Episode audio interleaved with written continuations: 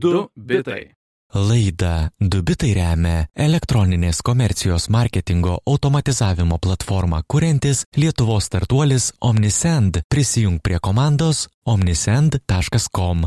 Sveiki klausytojai, čia laida Dubitai, kurioje kaip ir kiekvieną savaitę toj pat, toj pat apžvelgsime svarbiausias technologijų naujienas. Prie mikrofonų Lukas Keraitis ir šalia Jonas Lekevičius. Labas Jonai. Labas klausytojų ir labas Lukai. Labas, labas. Ir e, nieko nelaukdami šokame, kaip netikėta, į dirbtinio intelekto temas, bet Negali būti. turime apie ką pakalbėti. E, Pirma naujiena yra ne visai naujiena tikriausiai, ką norim pakalbėti, o tiesiog, em, kaip čia pavadinti, trendas, kurį pastebėjome, išvalga mūsų. ar ne? Žodis iškylantis į paviršių vis dažniau. Taip, šią savaitę pastebėjau ant- keliolika kartų šitą žodį. Tai yra šitą naują specialybę - prompt engineer. Taip reikėtų įvardinti promptų inžinierius. Kaip lietuviškai reikėtų taip įvardinti? Promptai tai yra tai, ką tu rašai dirbtiniam intelektui. Mhm. Aš galvoju, galim pavadinti tai užklausomis ir aš pavadinčiau tuos žmonės užklausėjais. Taip, užklausėjais. Tad pastaruoju metu galima matyti vis daugiau reklamų skelbimų, kaip yra kviečiama tapti užklausėjų ir eiti į kursus mokytis tapti užklausėjų. Šitai klausytojai pasakys, jog čia yra mano sugalvotas žodis, dar niekas jo nepatvirtinto, bet man jis patinka. Mes galim nuspręsti, jog čia naujas žodis. Taip, galim. Aš girdėjau, kad tokius pavadinimus algoritmų, algorithm whisperers, tai yra algoritmų švilpėjai, Šnabždėtojai. šnabždėtojai promptų sociologai, netgi taip kažkas pavadino. Bet iš esmės, kadangi šiuo metu vis daugiau yra a, dirbtinio intelekto įrankių, kurie generuoja kažką, paveikslėlius, garsą, muziką ir panašiai iš teksto, vis daugiau žmonių ėmėsi žaisti su tuo, tai yra kurti tekstą dirbtiniam intelektui, nes kuo geriau parašysi jam klausimą, tuo geresnį atsakymą gausi. Panašiai kaip papasakosiu su norais pildančius burtininkus, reikia labai atsargiai uh, žiūrėti, ko klausi. Mhm. Ir jeigu anksčiau, na, pavyzdžiui, galima paimti ir užduoti kažkokį paprastą klausimą, sukurk man paveikslėlį, tokį ir tokį ir tokį, bet jeigu nori kažką specifiško, gali tau reikti, reikėti, na, su juo kalbėtis galbūt porą, porą valandų arba parašyti tą užklausą penkių puslapių ilgio, ką jau Taip. daro šitie Nes turbūt tie užklausėjai yra tie, kurie pamatė tai, ką daro visi, nes labai daug kas turbūt jau esame parašę, ką nors į Bing arba ChatGPT arba Stable Diffusion ir jie pagalvoja, hm, kur yra to ribos, kiek galima šitą ištobulinti kaip specialybę ir natūraliai atsirado žmonių, kurie nori jos, jų ekspertizės. Ir dabar jau galima rasti straipsnių, kurie vadinasi 1001 promptas rinkodaristui ir, pavyzdžiui, rašo Bloombergas, kad e, įmonė Antrofic, e, kuri dirbo su dirbtiniu intelektu, jau ieško prompt inžinieriaus ir bibliotekininko, na, Bibliotekininko. bibliotekininko, ar ne, e, kurio atlyginimas yra tarp 175 ir 335 e, tūkstančių dolerių metinis atlyginimas Amerikoje tikrai neblogas. E, Prompt Base yra tokia, tokia svetainė, joje jau parašyta 700 žmonių save įvardina prompt inžinieriais ir netgi 9000 e, artistų, na, tai yra dailininkų ir panašių žmonių, kurie gali dirbti su Stable Diffusion ir panašiais modeliais, kurie taip pat užsiema šitais darbais. Tad vis dažniau matysite šitą žodį ir tai tikriausiai yra pirmoji specialybė, kurią sukūrė šie generuojantis dirbtinio mhm. intelekto įrankiai. Aš manau, galima tokią įdomią atskleisti, kas yra už tos, uh, uh, už to šydo, mhm. kokia yra ta ekspertizė, kurią turi tie užklausėjai arba prompt inžinieriai. Uh, nes visgi tai, tai yra tam, tikra, tam tikros žinios, ypač labai specialios žinios, kurias jie yra išvystę net per labai trumpą laiką. Um, bendrai, tam, jog suprasti, kodėl jie tai daro, visi šitie dirbtinio intelekto modeliai, jie yra, okei, čia labai moksliškai, tokios multidimensinės erdvės, kurioje plaukėja žodžiai ir prasmės. Mhm. Ir jų darbas yra būti navigatoriais toje multidimensinėje erdvėje, rasti koordinatės, o kuriuose slypi lobis, iš esmės geras, kokybiškas kūrinys. Ir tam, jog jie geriau naviguotų po tą multidimensinę koordinačių erdvę, e, pirmiausia, jie turi žinoti, kokie yra žodžiai, už kurių galima kabintis. Nes jeigu tas žodis bus dažnai ap- aptinkamas tame modelyje, pavyzdžiui, meno kūriniuose, tarkim, yra daug Van Gogo pavyzdžių ir Van Gogas tampa tokia fraze, už kurios gali kabintis. Tau reikia žinoti, kokie žodžiai yra populiarūs tame modelyje, nes tuomet tu geriau naviguosi. Pavyzdžiui, jeigu nėra žodžio kazlėkas, gali parašyti žodį kazlėkas, tai niekur ta koordinatė nenuves. Mhm. Nesupras dirbtinis intelektas. Taip. ne? Kitas dalykas, ką jie įvaldo, yra mokėjimas pasakyti tam tikrą žodį stipriau, o kitą silpniau. Kaip pavyzdžiui, Hermiona sako Hariui, tai levioza, o ne levioza. tai tas uh, būdas pasakyti tą kažkuria frazę stipriau, tam net yra speciali sintaksė. Galima uždaryti žodžius į klaustelius arba kampinius kliaustus, taip sustiprinant arba susilpninant juos, kas yra labai svarbu. Net galima duoti neigiamus žodžius. Tai yra, galima tai įsivaizduoti kaip koordinatės, kurių vengti, salos, kurių vengti. Pavyzdžiui, galima pasakyti, jog nekokybiškai nupiešta ranka yra ta vengiama erdvė ir tada intelektas natūraliau keliaus prie kokybiškai nupieštų rankų. Um, tai va, ir toks, tokie turbūt yra tie įgūdžiai pagrindiniai, kurie ir leidžia uh, jiems susikurti ekspertizės. Taip, bet iš esmės tai yra na, kalbėjimas su to pokalbio robotu ir e, na, visai įdomu, kad iš tikrųjų tam nereikia programavimo kuo, kas yra viena tokių tikriausiai patraukliausių iš tos naujos specialybės e, atributų. Aš jeigu būčiau dabar dvyliktokas, pavyzdžiui, nežinočiau, ką veikti per vasarą, nežinočiau, ką noriu dirbti, ar mhm. aš kažko išdirbti, tai tikrai gal eičiau į tą YouTube, paskaityčiau forumuose ir to prompto inžinierių, pijotum promptus iš kitų, pridėtum kažką nuo savęs, sakytum, dirbtinį intelektą įsivaizduoju, kad esi tas, kas esi senas. Aš, pavyzdžiui, bandžiau dabar kurį laiką pamėginti sukurti e, dainos žodžius lietuviškai. Mhm. Ir bandau įvairiai tą, tą, tą algoritmą čia GPT lankstyti. Sunkiai sekasi man, sunkiai sekasi, moksliniais tikslais bandau, bet iš tikrųjų svyra rankos, nes tu jam aiškini, tu daryk taip, nedaryk mhm. taip ir jis tavęs nesupranta ir jis vėl pradeda kartoti ir toks, a. Taip. Ir, ir to gilio, kai užsikabini ant to vat, užklausimo, yra visai daug, nes uh, patys profesionaliausi jie net kūrė savo modelius arba fine-tuina esamus modelius. Kartais tai atrodo net kaip kokteilių miksavimas, kur tu įpili šiek tiek vieno modelio, įpili kito, sumaišai, žiūri, kas gaunasi. Um, taip pat labai geras patarimas yra duoti pavyzdžių tiek sėkmingų pavyzdžių, tiek nesėkmingų pavyzdžių. Tas ypač aktualu teksto modeliams, nes jie mokosi būtent tokiu principu. Tad tikrai yra labai daug gilio, labai įdomi nauja profesija.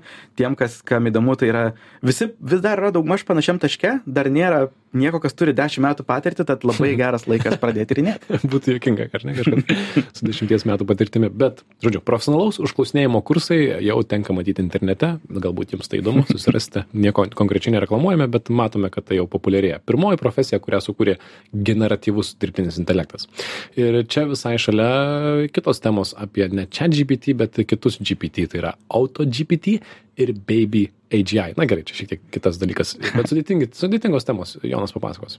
Taip, čia turbūt tiesiai šviež, šviežiausias naujienos, naujausias trendas iš to, kas yra karščiausia dirbtinio intelekto pasaulyje, dar tik tai mokslininkų, eksperimentuotojų, e, erdvėje, viešai tai dar nėra toks prieinamas produktas, bet visi dūzgia ir kalba apie ypač auto GPT sistemą.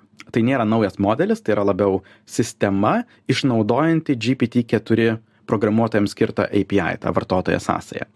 Ir kuo tai yra įdomu, tai yra multi-agento sistema, tai yra tu gali sukurti savo asistentą su GPT-4, kaip mes esame pratę, susikurti asistentą, bet tas asistentas gali savo susikurti kitą asistentą. Jeigu jisai sugalvoja, pavyzdžiui, man reikėtų pagalbos kitų kažkokio klausimo. Ir tas asistentas, kurį susikūrė, gali savo dar vieną asistentą susikurti. Ir taip prisidaugina visa, visas būrys tavo asistentų, kurie uh, sprendžia kažkokią, išsprendžia problemą ir sugražina informaciją atgal. Ką tas leidžia padaryti? Tu gali e, duoti labai abstrakčius tikslus um, duot kažkokį labai um, laisvą, nekonkretų dalyką, ne, tarkim, parašyk man straipsnį apie skrusdėlės, o visi duoda šitą pavyzdį, uždirbk man pinigų. Mhm. Ir ką tada daro tas, uh, ta sistema multiagentų? Ji pirmiausia um, žino, kaip naudotis internetu, kaip atlikti užklausas, skaityti straipsnius, taip toliau. Ir ji taip pat moka šnekėti su savimi, turėti daug tokių skirtingų vidinių balsų. Pavyzdžiui, pavardysiu keletą tų vidinių balsų, kurias turi, arba tokių mąstymo režimų. Jie turi vidinės mintis. Tai yra, galima įsivaizduoti, pati su savim šneka ir savo aiškina tai, ką galvoja. Arba sistemos nurodymas. Išsikelia savo kitą tikslą, kažkokį konkretesnį, mažesnį, sekantį tikslą. Išvadų darimas. Pereina per visą informaciją, kurią žino kol kas ir apibendrina. Savikritika. Past, pažiūri į savo buvusį procesą atgal įvardyja spragas proceso ir koreguojasi, ar pavyzdžiui atminties naudojimas. Tai yra savo pasako balsu, ką įsirašyti ilgalaikę atmintį. Ir tai leidžia turėti labai ilgai besivystantį procesą, kuris prieina nuo tokios labai abstrakčios frazės kaip uždirb man pinigus, iki su, suranda efektyviausius, pavyzdžiui, būdus, kaip internete uždirbti pinigų, a, pasižiūri, kas teikia kokią informaciją, suranda, kur internete užsiregistruoti, pri, prisiregistruoja ir bando tą padaryti. Tai pala, pala, pala, pala, pala, pala, pala, tai su tais pinigų uždirbimais, ar ne? Čia jau visų ausis pagavai, man atrodo. Tai kiek, kiek pavyksta, na, ar pavyksta uždirbti tam dirbtiniam intelektui šitai sistemai pinigus? Čia visų pirma, tai dar yra savaitė šviežumo dalykas. Iš tiesų, tas AutoGPT yra sukurtas tik prieš savaitę. Čia visiškai yra super šviežia. Iš to, ką mačiau, lyg ir dar niekam nėra, taip sakant, įkritę į sąskaitą pinigų. Mhm. Niekam nėra pavykę privesti šitos sistemos, asistentų, asistentų, jog iš iš tiesų pilnai sukurtų pavyzdžiui elektroninę parduotuvę su banko sąskaita su sėkmingai parduotų prekes ir taip toliau. Bet žmonės stumia tą frontą vis toliau ir toliau. Ir jau teko matyt kaip iš tiesų sukuria pavyzdžiui interneto parduotuvės puslapį su teisingu marketingo tekstu ir reklamos e, formatais. Tad artėjame aha aš aš bijau kad jeigu kažkam ir pavyko arba tuoj pat pavyks kad mes nesužinosim ar ne gali tai būti neišduos nes na be abejo tas dirbtinis intelektas atsitrenkia kažkokią sieną tai yra išsiųsti siuntą jis negali Mhm. negali jis neturi tapatybės identiteto atsidaryti banko sąskaitą ir panašiai bet tikriausiai nemažai paduoda už na minčių kaip galima pradėti verslą jeigu nori užsidirbt Tikrai taip. Um, labai įdomus dalykas apie šitą sistemą yra tai, jog yra iš tiesų tokie dideli ir ryškus perspėjimai prieš naudojantis. Um, sistema iš pradžių yra sukurta veikti tiesiog pažingsniui, kiekvieną žingsnį žmogus mato ir patvirtina, tačiau galima įjungti autonominį režimą, kur sistema pati valdys save, pati laisvai kurs ir vykdys programas be jokių žmogaus patvirtinimų, to ikonėlė yra kaukolė, reikia labai atsargiai elgtis. Ir tas autonominis režimas ateina su krūva perspėjimų, nes dirbtinis intelektas nežino e, šalies įstatymų, nežino, kas yra legalu, kai kuriais atvejais galbūt net nežino, kas yra moralu. Ir todėl gali pridaryti visai didelių problemų ir tas, kas naudojasi šitą autonominę sistemą, kuri tiesiog darys bet ką, ką sugalvos, tas prisėma šimtaprocentinę atsakomybę. Mhm, tai kaip tai išbandyti dabar, įdomu visiems išbandyti tuo pinigų uždirbimą ir ar kitus būdus. Tiem, kas pakankamai gerai išmano, pavyzdžiui, serverių technologijas, tai AutoGPT yra turbūt geriausiai išvysta sistema, kita yra Baby AGI. Um, aš sakyčiau, turbūt esame ganėtinai toli nuo to, kada turėsime kažkokį chat GPT paprastumą naudotis. Um, bet todėl tai yra labai įdomu stebėti kaip tokį frontą, kurį, su kuriuo eksperimentuoja žmonės. Ir reikės stebėti, ar ne, kadangi tema super įdomi, kiek blogų dalykų galima Mhm. panašu padaryti su tuo, ar ne, suterš šio žmogaus reputaciją. Pavyzdžiui, įdomu, ką jis paleidžia atsakytų. armiją žmonių, kurie rašo straipsnius, komentarus, Wow. viską. Wow, tai įdomu, kas įvyks per ateinantį mėnesį šitoje temoje. Tai seksime ir jums papasakosime. E, Visiems priminsime, kad girdite laidą Dubitai, aptarėme svarbiausias savaitės technologijų naujienas.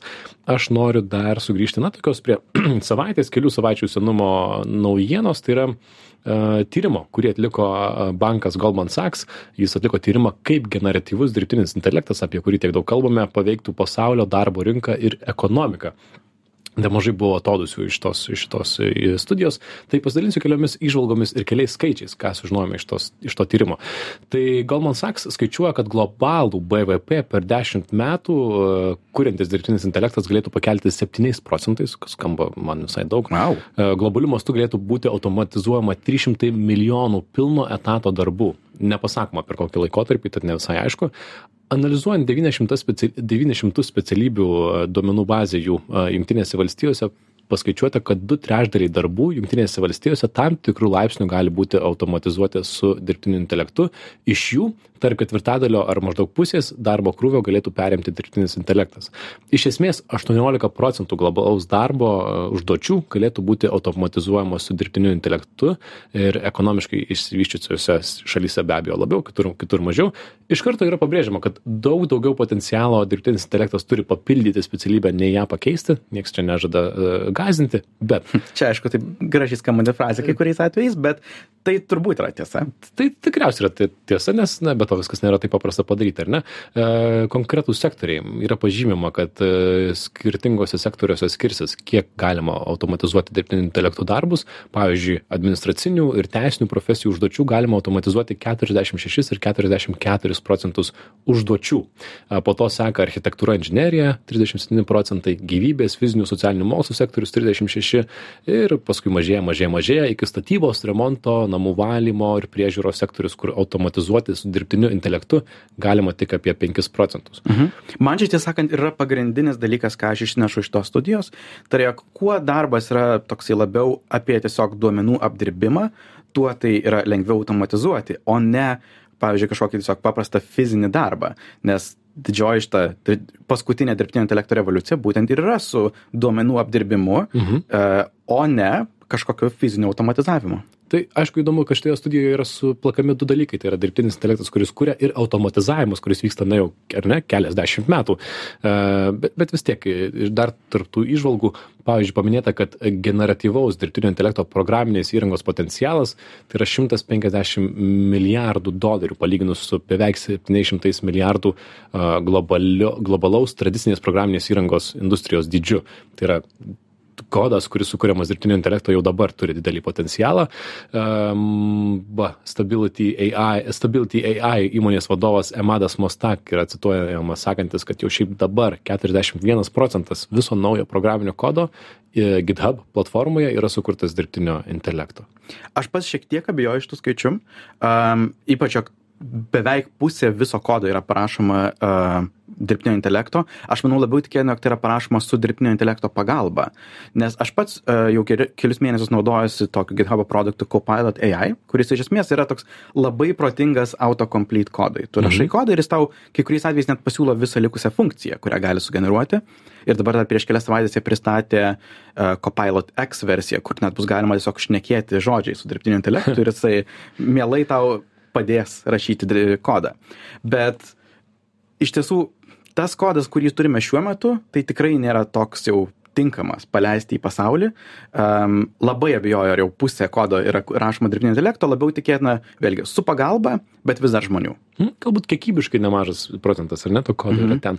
Aš kiek kalbu su programuotojais, tai man jie visi giriasi, kiek sako, o aš tai jau su GBT rašau, rašau kodus. Tai, tai, žodžiu, neaišku, kur tiesa. Dar įdomus faktas, kad e, šitoje studijoje cituojama ekonomisto Davido Otter tyrimas, kuriame sakoma, kad 60 procentų šiandieninių darbuotojų e, dirba profesijose, kurių 40 metais, 1940 netgi nebuvo tai gal hmm. visai ir įkvėpė, ar ne, ir išgyvenom. Taip, Taip, mes jau labai pratę keisti turbūt da, darbus, kas, kas metus ar kas kelias. Taip, bet tas 18 procentų globalaus darbo galėtų būti automatizuojamos dirbtiniu intelektu nėra kažkoks labai ypatingai nustebinęs ar gąsdinantis skaičius, ar ne? Tai, žodžiu, įdomi studija, visai realistiška ir, ir buvo įdomu ją paskaityti.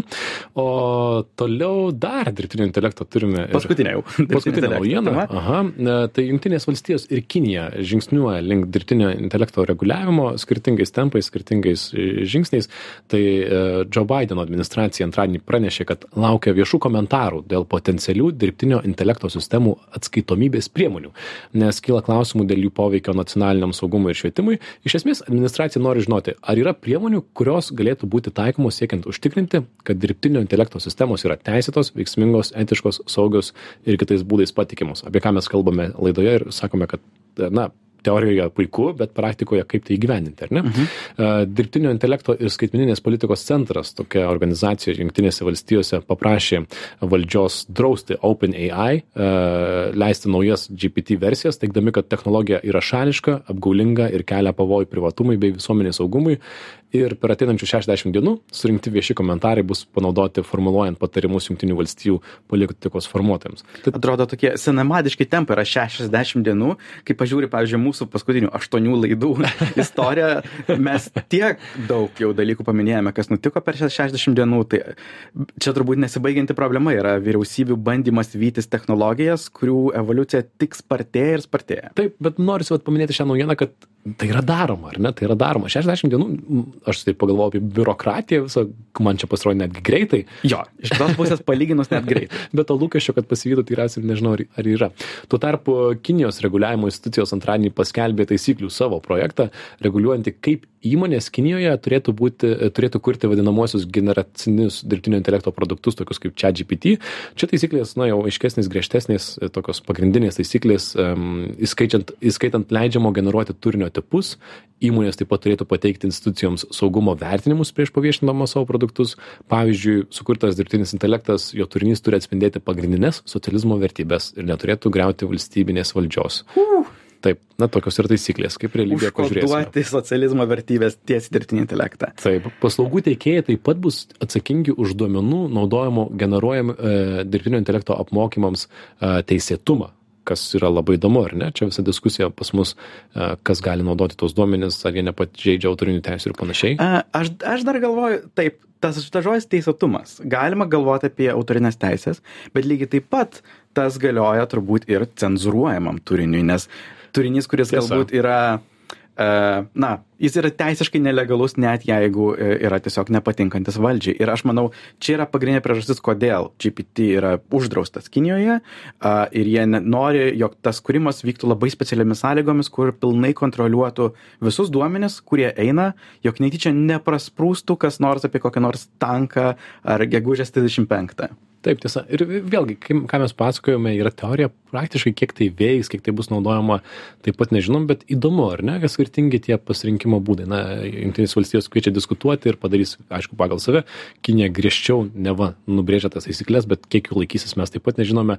Man čia įdomu turbūt dar paminėti prie Junktinių valstijų mm, polic, pozicijos, e, skaitant The Washington Post, jie prašo, kaip politikai diskutuoja apie dirbtinio intelekto taisyklės. Įstrigo re- respublikono Gary Kennelly pasisakymas, nežinau apie šį politiką ties pasakius nieko daugiau, bet jisai skeptiškai vertino kongreso galimybę pritaikyti dirbtinio intelekto taisyklės, kadangi jie nelabai kad nuveikė ir socialinių tinklų gigantų atžvilgių. Ir čia cituoju. Be jokio vyriausybės kišimosi jie, tai yra socialiniai tinklai, priima įvairiausius masyvaus poveikio sprendimus apie turinį, apie tai, kas leidžiama ir neleidžiama, kas kuo ir kas kuo ir kaip gali naudotis, kodėl turėtume tikėti, kad su dirbtiniu intelektu bus kažkas kitaip. Ir man čia yra, na, viskas sudėlioja į lentynas. Aš, aš manau, kad su dirbtiniu intelektu reguliavimu bus taip panašiai kaip socialiniais tinklais. Pripažįstama jų gale, ar ne, jie tikrai turi politinę galę pasaulyje, yra kad tam tikri ribojimai, už š- kažkokius kraštutinius atvejus yra baudos, bet to pačiu, kiek iš mūsų pasakytų, kad socialinės medijos yra sureguliuota, mhm. pagal aiškias taisyklės veikianti ir sąžininga aplinka, ar ne? Ir, ir iš dalies net galima sakyti, jog jie jau turėjo 10 ar 15 metų bandyti pasivyti tai. Ir daugeliu atveju viskas yra reaguojama tik tai, kai plačiai nuskamba kokia nors istorija, peržengiama kažkokia riba, tada staiga vyksta sujudimas keliams mėnesiams, bet labai neretai viskas atgal sukrenta į tas pačias vietas, kur buvo prieš tai. Taip, ir su dirbtiniu intelektu dabar yra toksai tam tikras lūkestis, kad, na, kažko laukiame ir ateis kažkokios taisyklės, ar reguliavimas, ar tai galbūt rinka pati susir- susireguliuos ir viskas išsispręs ir neturėsime problemų toliau, kas, man atrodo, yra labai mažai tikėtina. Ir tai čia ir sustojame ir spėjome dar vieną naujieną apie Twitterį galbūt. ar Apie Galime Substacką. greitai pras, praskriesti, kokios nesąmonės šią savaitę nutiko Twitteryje. Čia tokia mini rubrikėlė. Pirma naujienėlė - Twitter Incorporated įmonės nebėra. Ji buvo prijungta prie Maskui priklausančios X korporacijos. Turbūt tai tik formalus pakeitimas, kuris nieko nereiškia, nes šiaip ar tai privati įmonė, bet simboliška. Per interviu su BBC uh, Maskas atskleidė keletą faktų. Uh, Twitter yra belikę tik 1500 darbuotojų nuo 8000, kiek buvo jo įsigymo metu. Ir Twitter šiuo metu vadovauja, tai yra jo CEO yra Masko šuo. Pasak Elono, jis laikosi vartotojų apklausos sprendimo, kur sakė jam pasitraukti ir nebebūti CEO. Na ir jis ją šitą poziciją atidavė savo šuniui. Absurdas.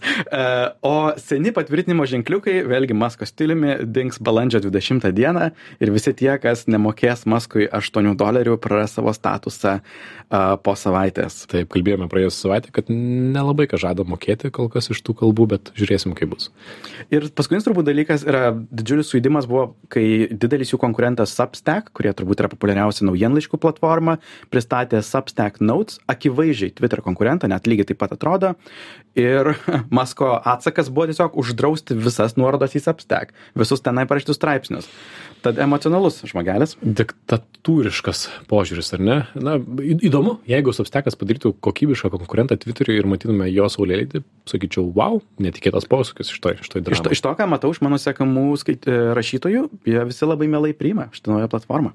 Mhm. Gerai, tai čia ir sustokime šiandien. Dar turime trumpą pranešimą apie smagų renginį, nemokamą, nekomercinį, tai tą galima apie jį papasakoti. Vyks jisai kada? Kitą penktadienį? Taip, kitą penktadienį aš padedu organizuoti tokį nemokamą renginį pavadinimu Problematonas. Bandysime suburti ne vien tik technologus į formatą panašų į hackathonus ir vietoj programavimo ir dizaino tiesiog gilintis į problemas. Plus penktadienį turėsime labai įdomių užnekėtojų, galite daugiau informacijos rasti prie šaltinių. Taip, dubitai.com, ten dedam visus mūsų a, minėtus šaltinius, jeigu norėsite pasigilinti daugiau, tai raskite ten. Kaip visuomet susitiksime kitą savaitę, galite klausyti mūsų įrašų žinių radijas.lt, Spotify ir per kitas tinklalaidžių programėlės. Čia buvo Lukas Keraitis, Jonas Lekiavičius, dubitai ir savaitės technologijų naujienos. Sakom, iki. Iki. Du bitai. Laida Dubitai remia elektroninės komercijos marketingo automatizavimo platformą kuriantis Lietuvos startuolis Omnisend. Prisijung prie komandos omnisend.com.